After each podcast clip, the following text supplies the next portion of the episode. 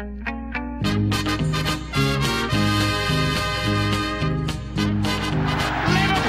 are champions of Europe again. Liverpool are prize winners again. Liverpool is in the record books.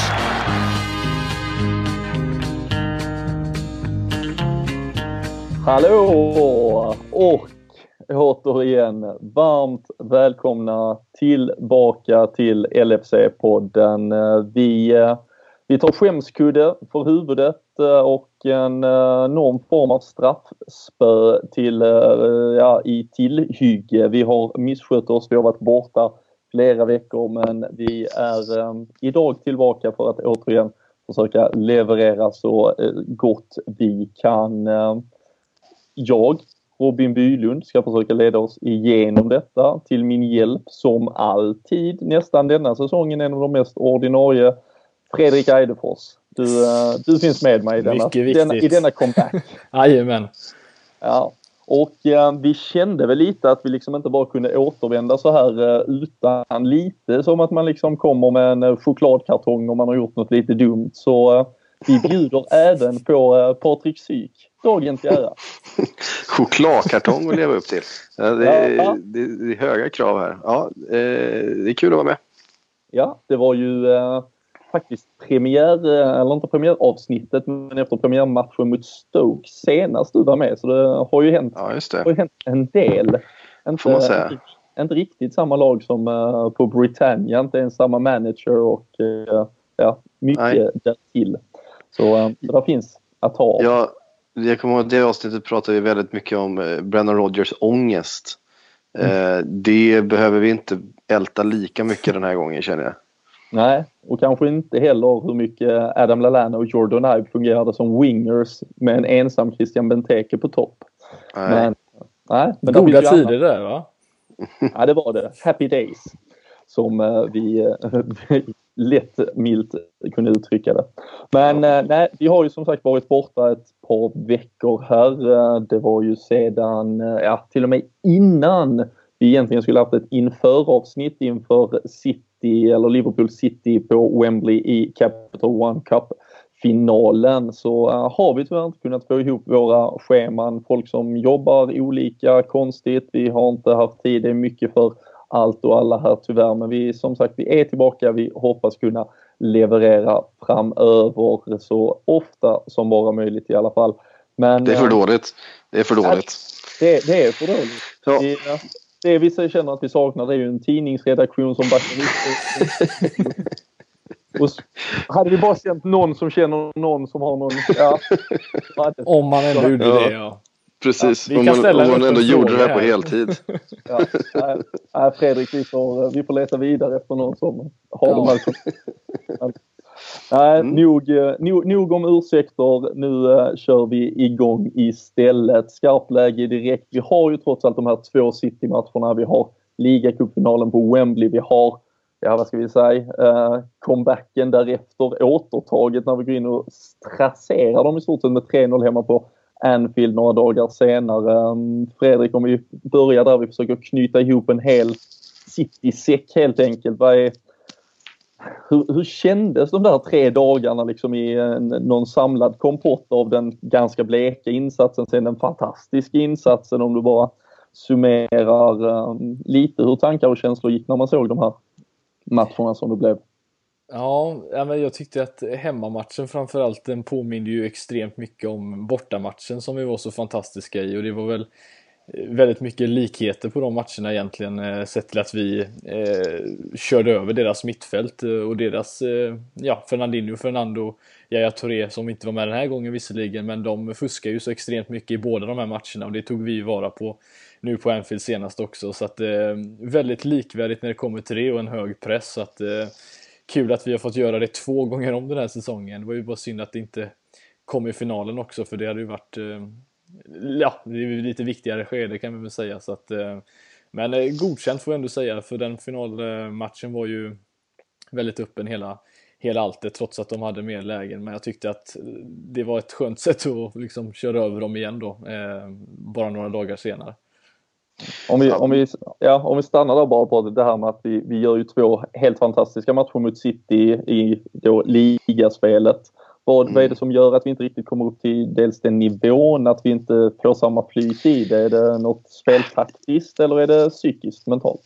Ja, eh, svårt att säga. Jag tror ju att det är väldigt mycket psykologi i fotboll överhuvudtaget. Eh, jag tror att eh, Wembley spelade väldigt stor roll för väldigt många av spelarna. Det, det var mycket press att liksom ta den här titeln i en säsong där man har liksom fått se sin tränare sparkad och så har det kommit in en Jürgen Klopp man vill imponera på. Man, man känner någon slags... Eh, man känner trycket från, från supportrarna förstås. det är ju en sån klubb. Eh, men sen tycker jag också att eh, en del av problemet i, i ligacupfinalen där, en spelare faktiskt som jag tycker eh, påverkades ganska mycket och överjobbade väldigt mycket var Daniel Sturridge. Hans, alltså, hans hela tiden försök att involvera sig själv i spelet, att droppa väldigt djupt. Att han, han ofta kom i vägen och inte tog det där jobbet som Divock Origi gjorde i matchen efter där han faktiskt eh, löper där han ska vara. Alltså han tar de, de jobbiga löpningarna offensivt och istället öppnar upp ytor mellan försvar och mittfält för eh, Manchester City. För det är precis som du säger att i andra matchen där, alltså på Anfield, så fuskar ju Fernando Fernandinho något kopiöst. Det, det, är, ju, det är ju horribelt stundtals. Det är, gata verkligen, ta Lalanas mål till exempel. Det är ju, jag vet inte hur många touch han får ta där. Eh, men det är ju också ett resultat av att Origi har löpt upp ytor för honom framför. Och om en Daniel Sturridge är nere och spelar felvänd liksom nedanför Firmino och nedanför Lalana eh, då kommer ju också deras mittfält att hamna närmare. Och det tyckte jag man såg ganska mycket. Eh, och det var nog ett resultat av att han väldigt gärna ville vara väldigt eh, inflytelserik i den matchen och, och ta den där titeln till, eh, till Liverpool efter en mm. jobbig säsong. Nej, jag tycker du, ja, eh, situationsmässigt hur det ser ut så summerar du det, det väldigt bra med att Daniel Sturridge eh, sjönk eh, väldigt, väldigt djupt. Man såg inte alls de här löpningarna, han drog inte isär det, inga djupledslöpningar. Nej, och det är ju otroligt viktigt. Ja. Jag menar, alltså... involverad kontra att han inte riktigt har fysiken till att faktiskt klara av det spelet. Det där, finns det en sån risk just nu också? Är den en 75-80% i Daniel Sturridge. Vi ser en ny Daniel Sturridge som kanske inte... Alltså, jag, jag, jag tror faktiskt eh, den här gången, för vi, vi har sett tidigare hur Daniel Sturridge har varit väldigt, väldigt bra även när, sen efter skadan. Ehm, och varit vart mer involverad, involverad högre upp i, i plan utan det var nog en, en kombination av att eh, alltså Emre Can och, och Jordan Henderson eh, duktiga visst, men de är inte de, de vassaste på att sy ihop de passningskombinationerna och själva ta sig igenom. De är väldigt beroende av att antingen en Firmino eller en Lalana eller en James Milner är där och, och, och stöttar upp dem eh, personellt centralt i mittfältet. Och, eh, någonstans tror jag att Daniel Stars kände att det, det, liksom, det, det flöt inte riktigt passningsspelet på mittfältet och jag tror att en del av den frustrationen eh, gjorde att han sjönk ganska långt ner. Och delvis så vi fick målet mot i finalen också, att han gick ner och hämtade lite boll, som sagt inte på mittplan kanske, men lite längre ner och så linkade han ihop med Coutinho och så fick vi då det här finalmålet. Men det är liksom, man kan skratta hur mycket mm. man vill åt till exempel en Lars Lagerbäck när han analyserar fotboll. Men det här som han påpekar väldigt ofta med att ställa frågor till mitt, mitt, mittbackarna, det gör ju inte Sturridge nu. Han, han hänger ju mest liksom där nere och då får vi inte den här Eh, så du kan inte ge dem några frågor och då kommer det inte hända särskilt mycket. Men det gör ju Origi som vi har sett nu och då, då, ja. då kommer det hända någonting till slut. Och det, det och det vet, vi att, att, det, det vet vi att en Sturridge normalt sett gör. Ja. Eh, jag menar, det finns ju få anfallare som ställer så många frågor eh, som han gör. Eh, jag menar hur många gånger som helst, framförallt när han rör sig lite ut på kanterna. Eh, alltså från 13-14 säsongen när Steven Gerrard stod, slog de där mackorna på 50-60 meter. Det var ju eh, oftast det var Sturridge som, som han slog dem på i djupet, ner i korridoren eh, och ytor som, som han än så länge den här säsongen inte har rört sig på alls. Nej, det har uh, tyvärr varit en... Uh, vi har ingen ja. sån passningsfot heller. Vi har, inget, alltså, vi, vi, har för dåliga passningsfötter på mittfältet och det tror jag gör att han, att han känner att liksom, ett större ansvar faller på honom. Det är teorier liksom, eh, men jag tror att den psykologin spelar ganska mycket roll. Men det är inte därför ett, eh, förhoppningsvis ett samarbete mellan till exempel Firmino och som är väldigt duktig på ner och möta boll, eh, ska kunna liksom samarbeta bra ihop där till slut och få det samarbetet att han sticker mer i och med att han är den snabbe eh, spelaren av dem. Eh, kan ju bli bra men eh, Ja, fast, fast jag tycker att om det är någon, någon del i Firminos eh, spel som jag tycker det, det brister lite så är det just passningsspelet. Mm. Eh, inte minst eh, passningsspelet centralt i banan. Det, han är fenomenal på de här de avgörande liksom detaljerna. Eh, det, avslutet, jag menar, jag tycker nu senast att han har fått för lite eh, cred för liksom, hur han tar emot den här misslyckade utsparken från... Ja, det är från, fantastisk bollbehandling Alltså det är Ja, men det är ju Han, han, han, han, dämp, han dämpar den med en reflex liksom och, sen, ja. och så sätter han friläget hur kyligt som helst i, eh, liksom under armen på målvakten. Det är en fantastisk prestation och där är han ju fenomenal. Men samtidigt så ser man ju honom slå bort. Och det där var ju någonting som man hade sett före han kom till Liverpool också. Att var det något frågetecken man hade så var det att han slog bort ganska mycket enkla passningar. Eh, och det gör han fortfarande och det är ett, lite ett problem för oss eftersom varken Emre Can eller Jordan Henderson är några eh, Chavis eller Xabi Alonsos eller Steven Gerrards som eh, eh, man hade önskat. Ja, och det är väl därför kanske också, vi har ju suttit här eh, otaliga gånger Fredrik och pratat om att Filip Coutinho hade man gärna sett i en, i en mer tillbakadragen central roll på ett mer på ett, mer, alltså på ett djupare mittfält helt enkelt. Mm. Och att han, att han därifrån kan vara den som som faktiskt styr spelet likt en, likt en Steven Gerrard för ett par år sedan egentligen. Och um, där är ju en uh, absolut en, liksom en, en arbetsbörda. Alltså Emre Can som du nämner, Emre Can, Jordan Henderson, det är, det är ju, det är ju rivjärn som själv också kan pulsa på framåt men, men de är ju inte på det sättet några bollskickliga i, ja, med all respekt för, för, för deras kvaliteter. Men, mm. uh, men nej, och um, ja, frågan är väl, jag, ja, jag är spänd på att se hur Daniel Sturridge kommer att uh, jobba i, med sitt djupledsspel framöver. För det, det, är ju som sagt det är hans signum, det är där han är som allra bäst när han, han ställer de här frågorna. Och, uh, mm. Han ska ju utmana. Han ska ju, utma han, ska ju, han ska ju ha bollen rättvänd, alltså ska han utmana en, två gubbar i, in mot straffområdet där är han hopplös att få tag på. Jag menar hur många gånger som helst har vi sett honom. Du vet den där lilla viket och sen skottet som man Alltså ur lägen där man tror knappt att det är en målchans kvar. Liksom. Eh, ja. Det, det, bara knäpper till så sitter den i bortre stolpen. Eh, det finns, jag skulle säga att det finns ingen i ligan som är lika, som är lika vass på just det momentet. Kanske Agüero då, som är lika vass i just det momentet. Just rättvänd, en mot en med backen framför sig. Eh, Hans fördel framförallt är att han är tvåfotad i avslutsläget också så han kan ju gå ja, helt och hållet. Det, nej. Vi, eh, vi får väl eh, hoppas och, och, och, tro att vi får se den här Daniel Sturridge igen. Om än kanske inte. Vi får se hur mycket han har att erbjuda under resten av säsongen här. Divock Origi fick ju chansen sen från start mot eh, City i ligan som jag har nämnt. Han gjorde ju ett bra inhopp mot City i, i finalen också. Som sagt den som ändå rev isär lite.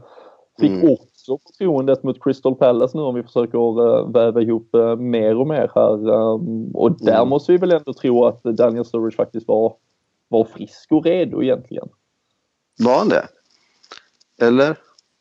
Hade, Eller? Alltså, jag, jag, undrar, jag undrar ifall han var det. Man får alltså, inte höra så mycket om det. Nej, det är, ju, det är ju så med engelska klubbar att man får ju höra det de vill att man ska höra. Liksom. Ja. Det, det, det läcker ju väldigt lite ifrån, eh, ifrån klubbarna. Men, men eh, eh jag undrar om eh, i, det, i den situationen eh, som vi ändå var, vi ligger under, vi måste ha de där tre poängen. Om inte Klopp hade spelat Sturridge om han hade varit helt frisk det finns väl heller inget annat läge där han egentligen borde ha kommit in än just det läget vilket också kan göra en frustrerad att han då ens är på bänken och fyller en, fyller en plats. För då fanns det ju aldrig mm. chans att han skulle bli inbytt helt enkelt. För det kom väl uppgifter om att han var besviken på petning till exempel mot City, att han inte var med i truppen där och då antar jag att man är rätt frisk om man blir besviken på en sån grej men eh, Jag vet inte om eh, hur som sagt hur det ligger till. Origi erbjuder ändå 110 procent när han spelar och Sturridge kanske inte kan göra det just nu då det har vi ju nästan sett att han inte kan göra det. Är väl därför han kanske inte startar just.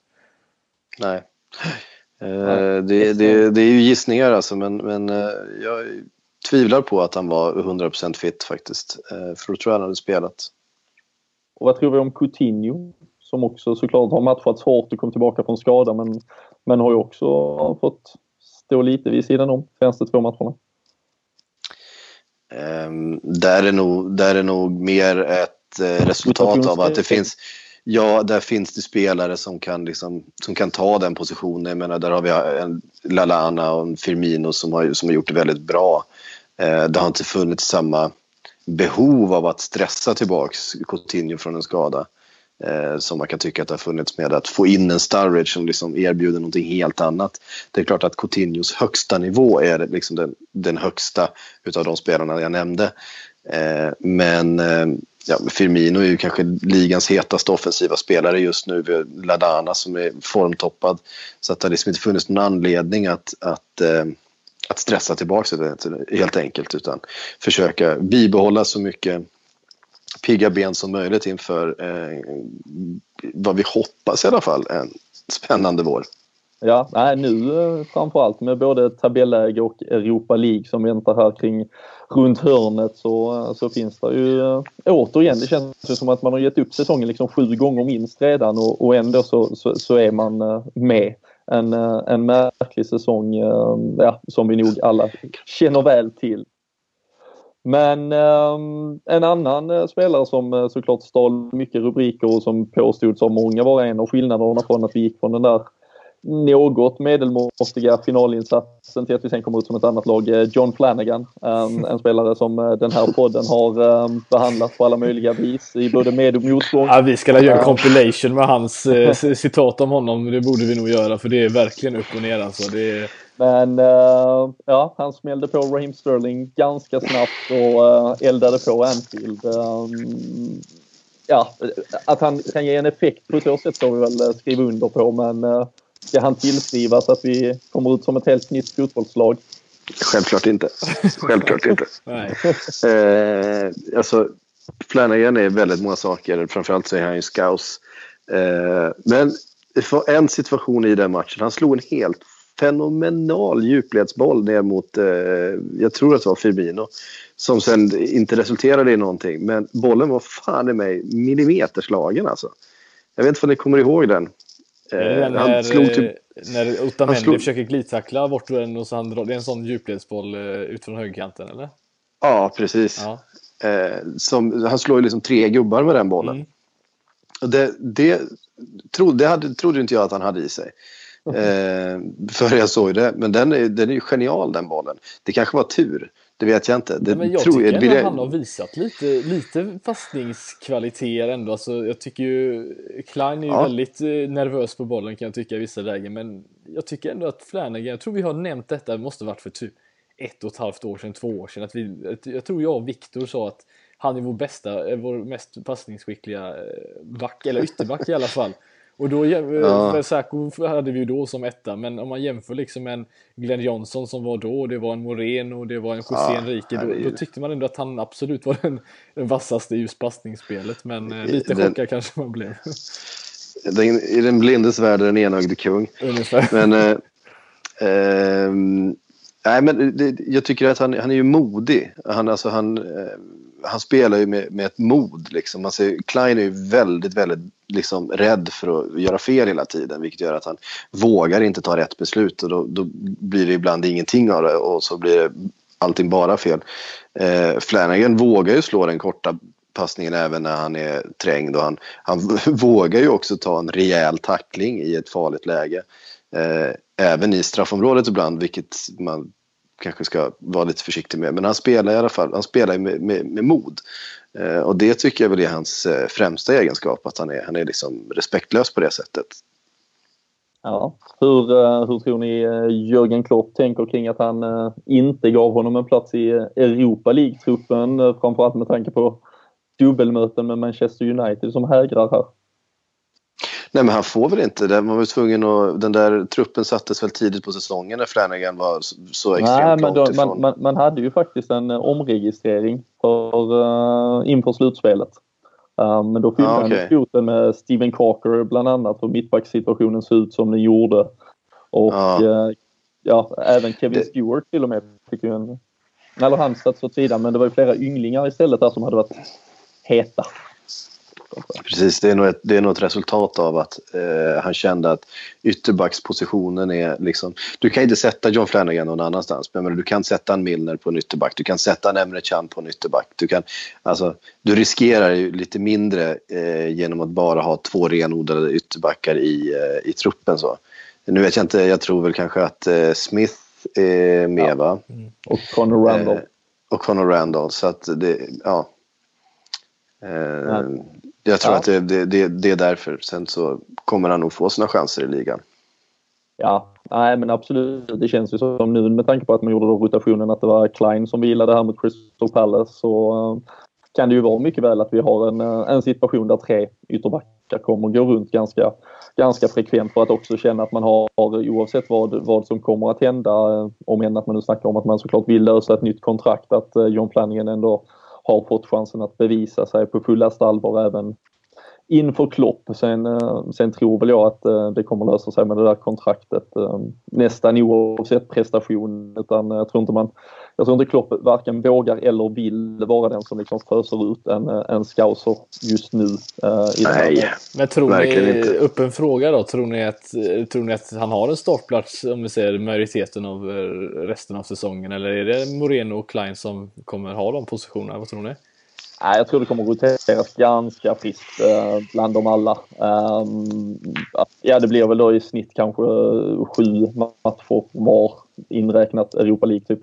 Ehm, men eh, kan...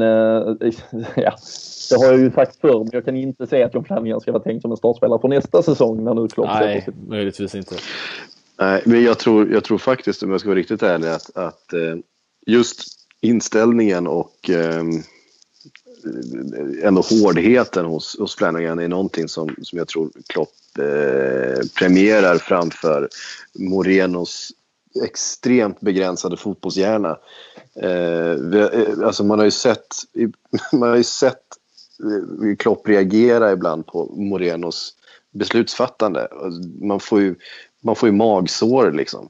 Eh, och man ser ju också, Klopp får ju också magsår.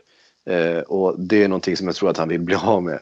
Eh, helt ärligt för att det, det, det, går ju inte, det går inte att ha en, en kille som, som förstår så lite om fotboll springa runt på vänsterkanten där. Det är, det är obegripligt. Den att han inte tacklingen han sig. gör på Agüero där i finalen när han eh, sträcker ut vad benet det, bakåt liksom? liksom. Det är, jag skulle aldrig se en Flanagan, jag, jag vet inte. Vad är det ens liksom?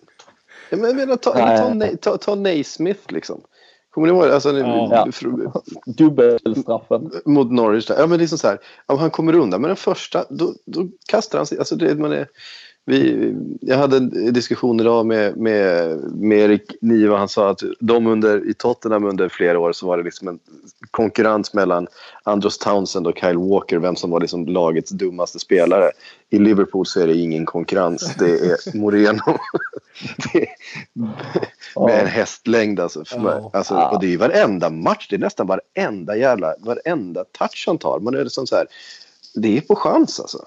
Alltihop. Men han har väl kommit, klarat sig undan ganska mycket för att han har varit statistiskt sett som man har räknat ut en av de ytterbackarna som har liksom så här, eller spelarna eller om man var ytterbackarna som har eh, liksom skapat flest målchanser sen om man Ja, förklarar vad målchanser är men han, det, han han sticker ut så extremt mycket med det negativa och det är ju inte positivt någonstans. Det, Nej, men han har ju jättefina fysiska förutsättningar. Han är ju jättesnabb, han skjuter stenhårt, han har eh, en ganska fin passningsfot. Men det är liksom så här, och så länge spelet är, eh, alltså uppgiften är enkel, du vet, du har, där har du korridoren, spring efter bollen liksom.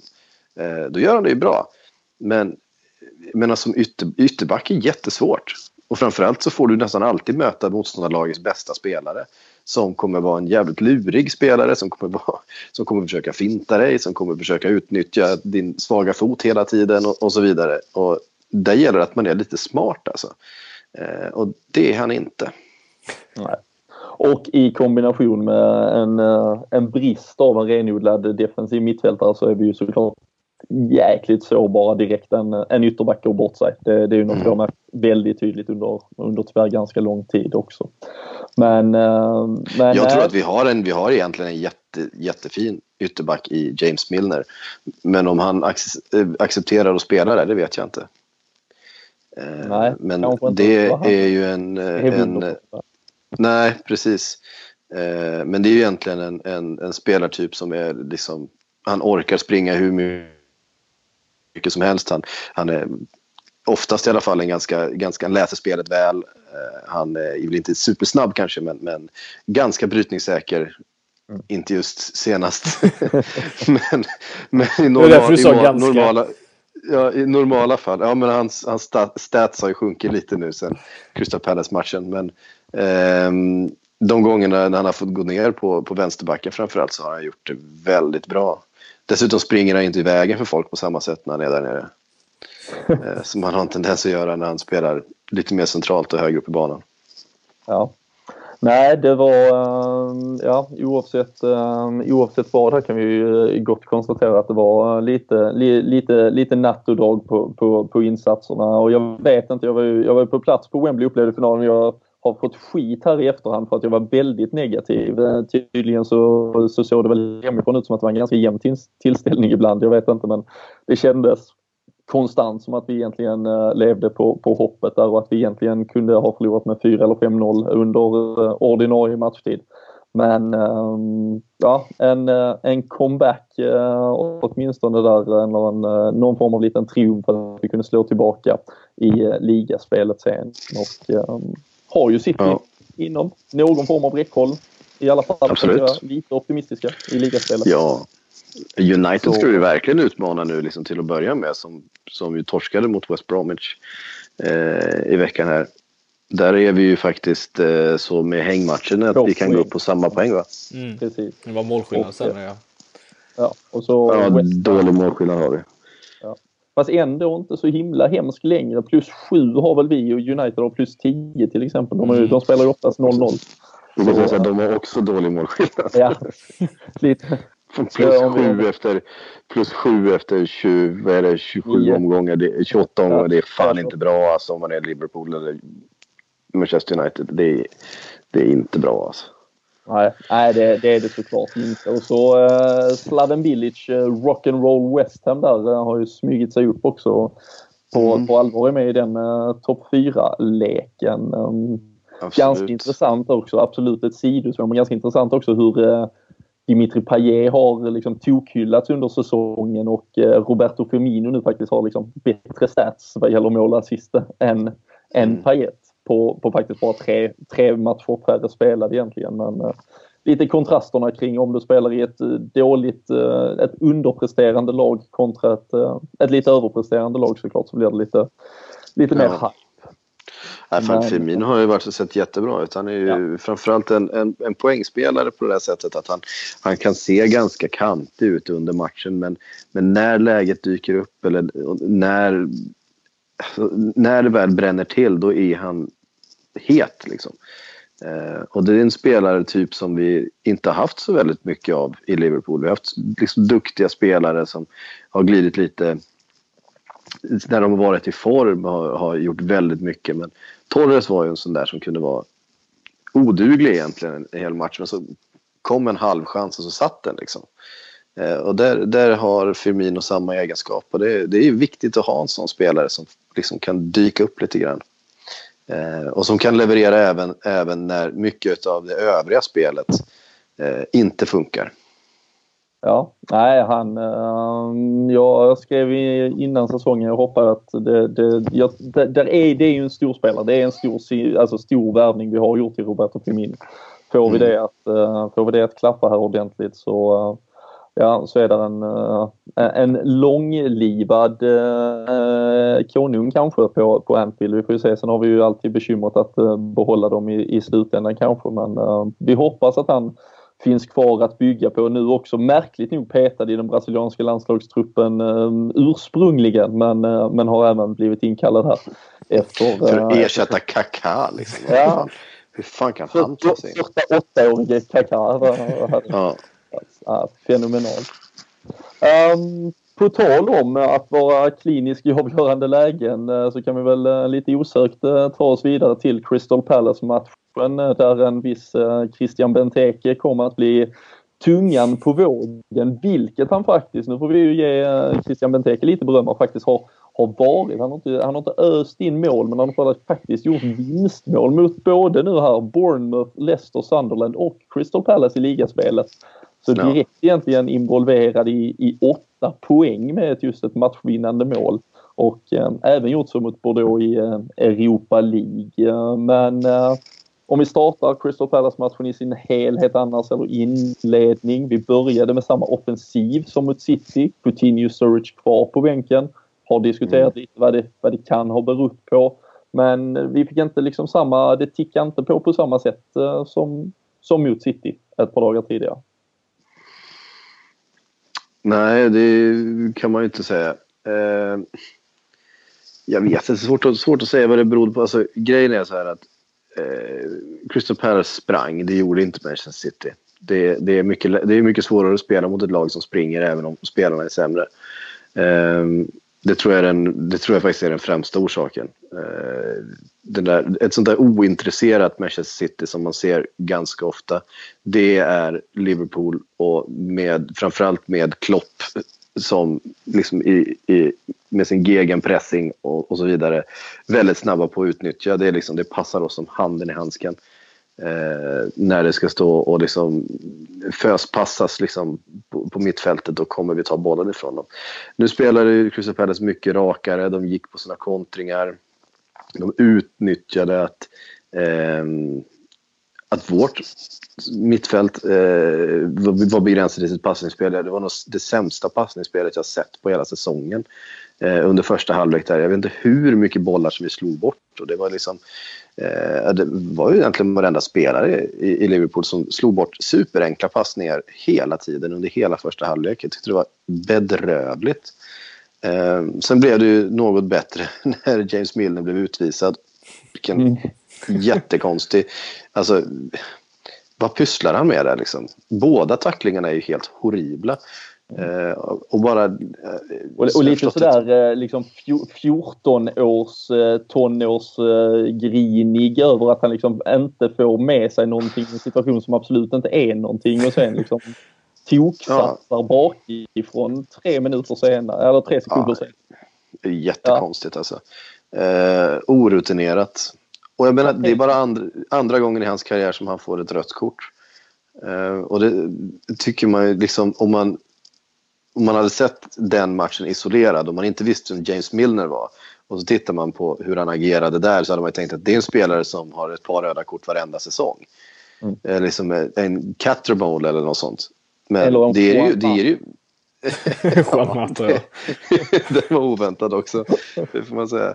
Riktigt råskinn. Eh, men det är ju faktiskt inte, han spelar ju väldigt fysiskt, han tacklar mycket och han vinner ju ofta mycket, mycket närkampsställ men han är ju väldigt sällan ful eller sent in eller sådär va. Milner, så att han var inte, han var inte i slag helt enkelt. Nej, och eh, sen, sen kom det dock, vi hade ju precis gjort ett byte faktiskt innan eh, utvisningen här. Eh, han vågade ju faktiskt att fortsätta i lite offensiv men vad var det vi såg framförallt Fredrik tyckte du liksom i, i, i den här samlingen? Det var såklart en kraftsamling rent inställningsmässigt men kändes också som det blev liksom ett, såklart kanske lite med det här eh, win or lose, liksom man vågade gå fram men det blev ett lös, mer lössläppt och fri, frigjort Liverpool. Ja, alltså folk började ju löpa plötsligt. Eh, och när du har då som en Coutinho som eh, kan hålla i bollen och liksom leta lägen så tyckte jag ändå att rörelsen blev förvånansvärt bra. Eh, tyckte det såg ut som att eh, de rörde sig extremt mycket mer än vad de gjorde som sagt innan. Och det, Eh, de spelarna som var kvar på planen var ju lite mer åt det att de gärna har bollen också så att eh, det kändes som att det blev ett väldigt rörligt spel och det hade ju som sagt några lägen och sen hade Moreno sitt stolpskott där innan, eh, innan straffen så att eh, det rörligare blev det och då skapar man ju oftast mer målchanser dessutom. Och, och det var ju också ett, ett resultat av att Crystal Palace eh, fick minuspsyk utav det där billiga målet. Mm. Eh, som jag vill mena inte var så billigt utan faktiskt en väldigt fin prestation av Firmino även om han får den eh, till skänks. Va? Eh, alltså de, de blev lite mer passiva i sin press. De eh, sjönk lite djupare. De, eh, de gav helt enkelt Liverpool lite fler chanser att, att, eh, att springa mot dem. genom, att, genom att de blev passiva i ja, men de är inne i en väldigt dålig form och, och även att matchen när de, när de nu får matchen liksom dit de vill i första halvlek och de, spelet stämmer, fan till och med Adebayor såg ju ut som en som en världsklassforward stundtals där. Eh, vilket han ju gör emellanåt. Eh, och så vidare. Och så får man det här målet mot sig och då kommer ju hela den här liksom, den här dåliga formen, de här senaste tio förlusterna liksom och så vidare. Det kommer ju liksom, sköljer ju över dem. Eh, och sen så börjar de helt enkelt, eh, så blir de passiva i sin press och i, i sitt försvarsspel och det, det bjuder in och, då är vi, och det är där jag tycker det är imponerande av Liverpool. Att då är man där och utnyttjar det många gånger. Inte minst under faktiskt Brendan Rodgers så har, så har vi inte kunnat utnyttja det. Eh, vi har liksom inte, vi har inte svarat på den, på den eh, signalen att shit, de börjar se lite darriga ut. Nu måste vi växla upp. Eh, och nu måste vi liksom öka tempot. Och det gjorde vi och det, det, det är en jättebra reaktion. Och det är viktigt att ta med sig. Vi har ju gjort det många gånger den här säsongen. Tagit, vänt matcher när, när motståndet börjar bli lite trött kanske på slutet. Eller det är några byten eller olika saker som gör att, att eh, motståndarnas spel kommer av sig lite grann, ändras lite, kanske sjunker lite i tempo mot slutet. Och så har vi haft avgjort många matcher i liksom 90 minuten. Ja, för det här är mm. elfte gången den här säsongen tror jag läst att, som Klopp, eh, att Klopps Liverpool har liksom kommit tillbaka från underläge och tagit mm. i alla fall minst en poäng. Och det, det är ju så liksom, det är man ju väldigt, eh, väldigt ovanligt som Liverpool-supporter att man är med om det över de senaste åren, att man kommer tillbaka ja. liksom. Det är snarare raka motsatsen. Så att eh, det här är ju ett styrkebesked mm. faktiskt som man, vi får ta med oss framöver. Ja, och det är det att, att, även i en situation där man faktiskt liksom inte har fått matchbilden dit man vill så, så, eh, så kan man ändå reagera på, på en förändrad matchbild och, och faktiskt växla upp när, när det som mest gäller. Mm. Nej, det är faktiskt, jag tror till och med det är nionde gången under sen Klopp tog över som vi faktiskt vänder och vinner en match från underläge vilket ja, vilket bara det på ett lite drygt halvår är, är, är fullständigt fantastiskt. Och ja, det är helt otroligt. Det, det gör man ju normalt sett en eller två gånger på en säsong. Liksom. Precis. Eh, ska dock liknas vid, eh, vid eh, Brendan Rodgers under den här kaotiska och ack fantastiska 13-14 säsongen tror jag vi vände 13 underlägen. Där blev ju alla matcher 4-3 och 5-8 ja. och 6-12 uh, och sådär. Men, uh, men nej, det, det, är ju såklart ett enormt uh, alltså psykologiskt viktigt att ha med sig ett, ett gammalt Sir Alex Ferguson United liksom som vet att man, man har säkert ett mål i bagaget även i 93 liksom. Det är ju ja. extremt skönt att ha i ryggen. Och det ska man, det ska man komma ihåg från 13-14 säsongen att där spelade ju laget med en sån, man visste att man, man kommer göra mål.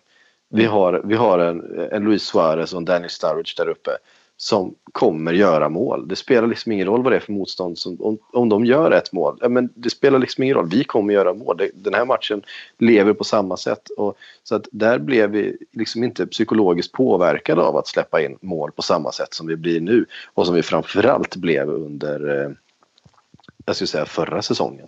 Ja. Nej, där var det ju direkt eh, knäck och även framförallt kanske i, i synnerhet början av denna säsongen och framförallt när det blev så väldigt mycket misstagsbenägna liksom insläppta mål där man verkligen såg hur, hur vi bara sjönk genom skorna, mark, allt möjligt egentligen och, och föll ner. Men, eh, men nej, ett, ett Liverpool som, eh, som alltid nu på något sätt uh, har den där sista droppen att krama ur och Christian Benteke fick symbolisera den där urkraften nu återigen. Fredrik, en en situation som redan har uh, fyllt uh, spaltmeter och, och, media och en galen Alan Pardew, en, uh, ja, en ganska o, oenig uh, kår i, i övrigt. Men hur, om vi börjar bara, hur kändes det spontant när situationen uppstod först? Och sen kan du få säga vad du kanske tycker med lite fler reprisbilder i efterhand också. Jag trodde inte det var straff först. Eh, när jag såg det. Med tanke på att man är så skymd också i den situationen, alltså TV, TV-kameravinkeln där.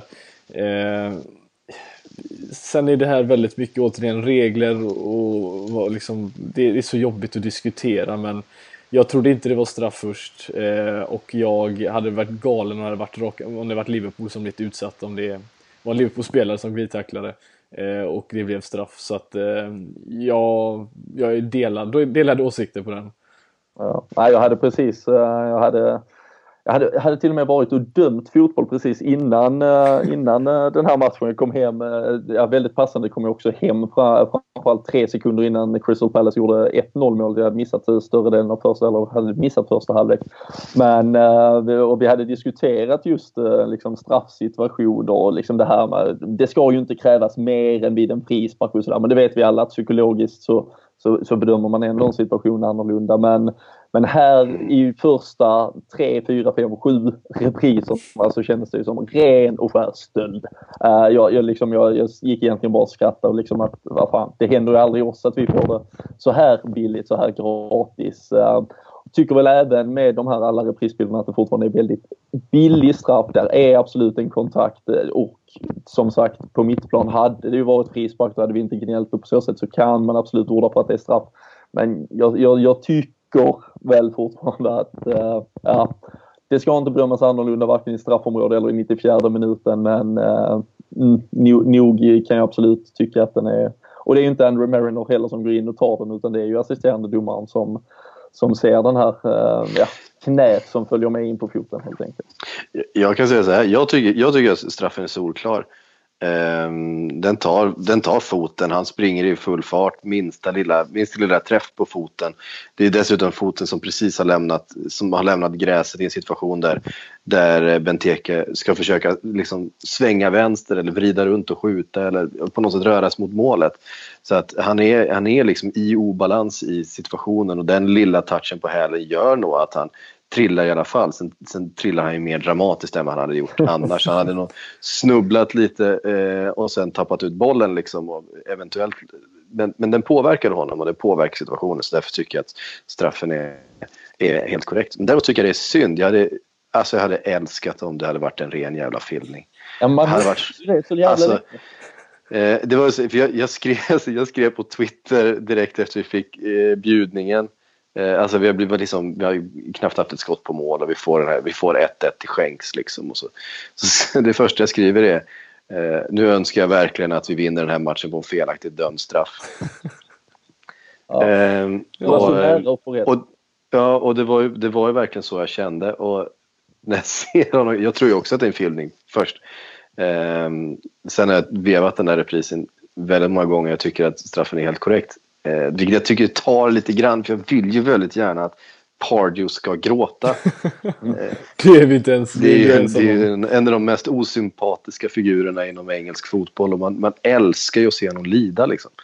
Eh, alltså jag, jag, njuter verkligen av att se honom stå och gråta i den här intervjun och eh, kasta sin jacka. Det, det, det är fenomenalt.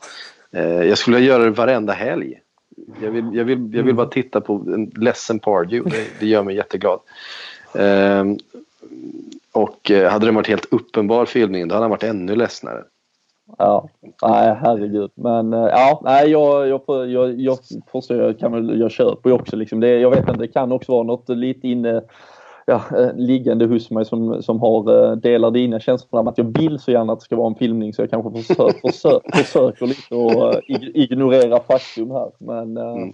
Sen är det ju en fantastisk ja, straff. En anfallare, ja, ja det, snacka om att ta fram saltkaret därefter och verkligen bara strö ner salt. Alltså det är som, som förnedring verkligen. Som förnedring. Men, eh, som Coutinho försökte göra samma sak i finalen. Mm. Ja, men det är också så jävla korkat. Varför gör han det när Chan precis redan har satt en Panenka? Han vet ja. ju att målvakten är, målvakten är så jävla påverkad av att ha åkt på en Panenka i första straffen. Så han kommer inte chansa mer. Det måste han ju det måste han begripa i det läget. Det enda, det är ju upplagt. Det, jag, jag, Klopp var ju framme och pratade med Emre Can en ganska lång stund kunde man se på tv-bilden. Jag vet inte hur du upplevde det, du som var på läktaren. Men, eh, och de stod och pratade en liten stund. Jag tror att de bestämde sig för att de skulle liksom försöka påverka målvakten genom att han skulle han, liksom, det är mycket på spel, han är, liksom, han är andra målvakt, eh, liksom, en av de största stunderna i hans fotbollsliv. Eh, Willy Caballero även om han hade några fina, fina matcher för Malaga också. Eh, och det är klart att då ska vi verkligen, han kommer chansa första, för han kommer vara nervös och det kommer vara anspänning. Så sätt en Panenka så får vi, sätter vi lite frågetecken i hans huvud. Då kommer han inte kunna chansa och vad har vi att göra då? Då rullar vi in bollen in till stolpen. Eh, och det funkar ju jättebra fram tills eh, egentligen... Vi ska slå vår andra straff. ja, vi ska slå vår andra straff och den är jättedålig. Eh, sen gör han en jättefin räddning så att jag ska inte säga att det bara är att rulla in den för att man har påverkat honom. Men då har han ju fått tillbaka sitt självförtroende genom att ta den andra straffen där. Ja. Eh, och sen är ju Coutinhos, alltså Coutinhos straff är ju bedrövlig liksom. Nej, både, jag tycker både Lukas och, och Coutinho är ganska svaga. Adam Lallana trycker väl ändå till det ganska rejält. Det är kolla på alla, alla City straffar. De är precis som du sa där så det är liksom nere i stolproten. Målvakten mm. hinner inte dit. Det är liksom det, är det bästa. Det var ju där på de flesta. Ja, han är ju på alla straffar mer eller mindre. Ja. Ja. Han går ju alltid rätt. Ja. Han går ju fan alltid åt rätt håll. Eh, så att på Mignolet måste du slå en ganska bra straff för att den ska gå in. Eh, för han, han går alltså, som jag, de straffläggningar jag har sett, åtta av tio gånger så går jag åt rätt håll. Mm. Ja. Det är samma i Europa League och allt möjligt, eller i de cuperna ja. vi har spelat nu och det har varit eh, förlängning och straff, eller straffar. Att han, eh, han går nästan alltid åt rätt håll. Sen är det väl att han som sagt kanske har händerna för långt upp eller vad det nu kan vara. Men att gå åt rätt håll hela tiden, det, det, det är ganska imponerande. Mm. Ja, ja nej, verkligen. verkligen. Och uh, tre um, extremt uh, sköna poäng som som sagt um, tar oss upp till, um, till den här så att vi ändå är med i jakten. Det kommer att bli en, det är fortfarande liksom himmel och helvete. Det kan bli en fjärde plats, det kan bli en elfte plats. En, en spännande höst, eller vår förlåt, är åtminstone att vänta. Och Um, extra spännande såklart med, med Europa League-slutspelet. Vi ska försöka eh, avrunda lite snyggt och prydligt men vi får ju såklart inte glömma det som väntar uh, nu på torsdag och uh, torsdagen därefter ett dubbelmöte nu hemma borta mot uh, Manchester United för första gången någonsin i Europasammanhang. Det var nästan en så här halvt chockerande nyhet när man, när man tog emot den. Känns som att vi borde ha har stött på varandra tidigare. Det, har ju annars ja, det, är första, det är första gången va? Mm. Mm. Chelsea har ju annars varit vår antagonist ute i Europa mm. de senaste um, åren. Men hur känner, känner, har ni hunnit få någon sån här, eh, liksom, man brukar ha en god känsla på något sätt i alla fall inför ett eh, United-möte i ligan. Har, det, liksom, har ni någon sån känsla än eller är det ändå lite eh, är det lite längre ner på trappsteget ändå eller är det ännu mer känsla? Hur tycker ni inför det här? Jag är extremt nervös. Eh, och det, jag hade nog känt mig mer trygg om det hade varit en Rooney som startat längst upp med eh, liksom det här ordinarie United som man sett tidigare som varit så extremt tråkigt. Nu när de har de här unga spelarna framme som är modiga och liksom hungriga på att liksom visa upp sig, då, då blir jag nästan mer rädd. Eh, det är bara att se vad Rashford till exempel har gjort. Eh, ingen, ingen, inte än så länge någon fantastisk fotbollsspelare, men han dyker upp där han ska vara och det, det är lite lurigt måste jag säga. Och att de har en bra mm. målvakt såklart. Men han vet jag inte om han kommer stå den här matchen. Det sker, han var fortfarande skadad men... Ja, precis. Ehm, det, de Gea är ju väldigt, väldigt viktig för Manchester United. Ehm, han är ju deras i särklass viktigaste spelare. Så utan honom så är de ett betydligt sämre lag. Ehm, jag har en ganska bra känsla inför det här dubbelmötet. Jag tycker att jag tycker dels är det väldigt kul för att det ger väldigt mycket uppmärksamhet till Europa League som jag gillar. Mm. Um, så att det, jag menar den här matchen kommer att vara lika välbevakad som vilken av Champions League-matcherna som helst som spelas i veckan. Ja, absolut. Uh, utan tvekan. Sen har vi dessutom samtidigt Dortmund-Tottenham som är en kanonmatch. Ja. Um, men, uh, men jag, har en, jag har en bra känsla. Jag tror att, uh, jag tror att Liverpool under Jürgen Klopp passar ganska bra mot van Schals Manchester United just nu som eh, är lite identitetslöst. Har ja, det blir få... som det blev på Anfield senast då? För där hade Ja, vi ju- väldigt problem mot dem. Ja, men, men det var så också. Då hade liksom, jag vet inte hur många, hur många matcher in det var från det att Jürgen Klopp kom. Eh, det var väl ett, kan ha varit fjärde, femte matchen någonting. Det var ganska tidigt väl? Ja, lite längre in men, men, men ändå. Det var ju under en ganska turbulent period där. Ja, det, det, var inte, det, jag, jag vill minnas det som att det var eh, ett Liverpool som liksom fortfarande eh, funderade lite grann på, på hur man skulle göra här, hur, hur det här spelet skulle fungera. fungera. Att eh, det pressades lite hejvilt och man såg en Emre Can ta liksom 60 meters löpningar på en, på en ensam ytterback och sådana saker eh, som vi inte riktigt ser nu. Eh, Så jag tror att det spelet har satt sig mer hos Liverpool och det passar ett Manchester United som inte är sådär väldigt passningsskickligt heller. De har ju förstås offensivt sett med Juan Mata förstås eh, jättefina fötter men, men defensivt från backlinjen eh, och därigenom tappat en hel del boll och, och framförallt när tempot har skruvats upp så har ju en Schneiderlin och en Schweinsteiger och en Herrera och så vidare eh, och Blind också liksom haft en del problem faktiskt. Ehm, men sen så är de ju duktiga defensivt eh, och inte minst när de har en de Gea så, så krävs det ju alltid någonting lite extra för att bollen ska smita in. Men det får vi se. Han är väl inte tillbaks. Nej, vi, vi får uh, hoppas på det. Det var ju ett, eh, det var ett Liverpool offensivt startade vi med Milner, Firmino, Lallana. Vi, vi har ju som sagt en annan, en annan arsenal här att, eh, att tillgå i form av en, eh, en Sturridge förhoppningsvis, även då en Coutinho, en Divock Origi, till och med kanske då en Christian Benteke som någon tunga på vågen om det skulle, om det skulle behövas. Um, Det var ju på, i, i den, de goda stunderna då Steven Carker vikarierade som akutanfallare i slutskedena. Så uh, självklart är det också ett, uh, ett nytt Liverpool och ett mer kanske då identitetsfunnet Liverpool uh, som, som nu tar sig an Manchester United här. Och just ett United också som däremot är ganska också drabbade av skador här letar lite efter vad som, vad som fungerar och vad som inte fungerar. Och det har väl tyvärr då för deras del funnit sig i någon situation där där ingenting riktigt fungerar utan man har fått lita till individuella insatser. Det har varit de Gea som bakåt har räddat dem väldigt länge. Det har varit liksom en Martial i superform stundtals, en Rooney som startar året i, i stor form och, och nu då en Rashford som från ingenstans kommer in och gör lite mål. Men det känns ju inte som att laget United på så, så sätt är liksom en, ja, en maskin som vi ska behöva stå emot. Så... eh, Nej. Vi, vi, vet du vad, jag blandar ihop fotbollsmatcher där. Vi, har ju faktiskt, vi mötte ju United i, i januari väl? Mm. Det var inte så länge sedan. januari. Ja, precis. Ja, jag precis tänkte på den där matchen när... där. när Exakt. Just det. Nej, jag, jag, det var jag som rörde till det lite grann där. Eh, det stämmer ju. Det var ingen bra match.